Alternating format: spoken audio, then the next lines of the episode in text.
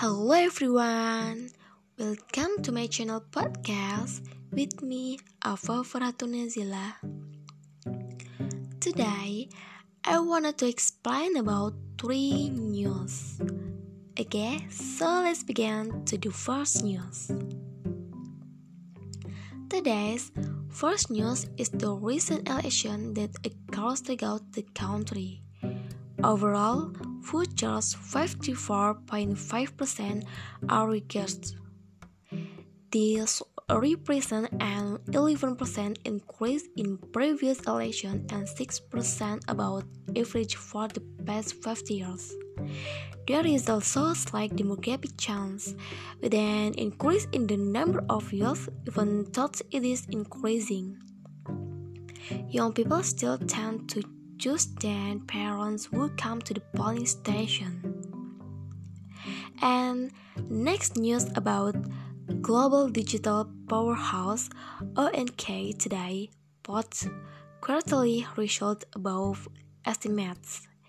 In fact, the company posted a quarterly income of 14 and 8 cent US dollar billion US dollar, which was an increase of 11% of the same quarter a year ago.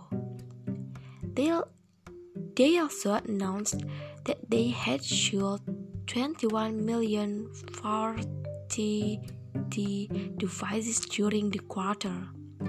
The company has provided information that with this level of income, there will be a gross margin of 34 and 35 percent, ultimately leading to a cash dividend of 1 and 20 US dollar per year given to shareholders.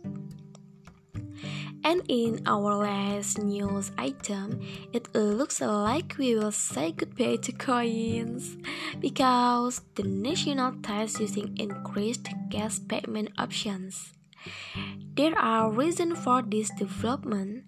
The main reason for this is a growing interest in reducing the number of items needed by people to leave their homes because almost everyone brings smartphones with them and many people also have smartwatches.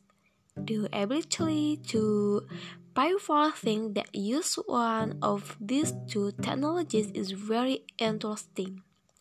The more retailers receive cash payments, and in some cases they stop receiving cash at all.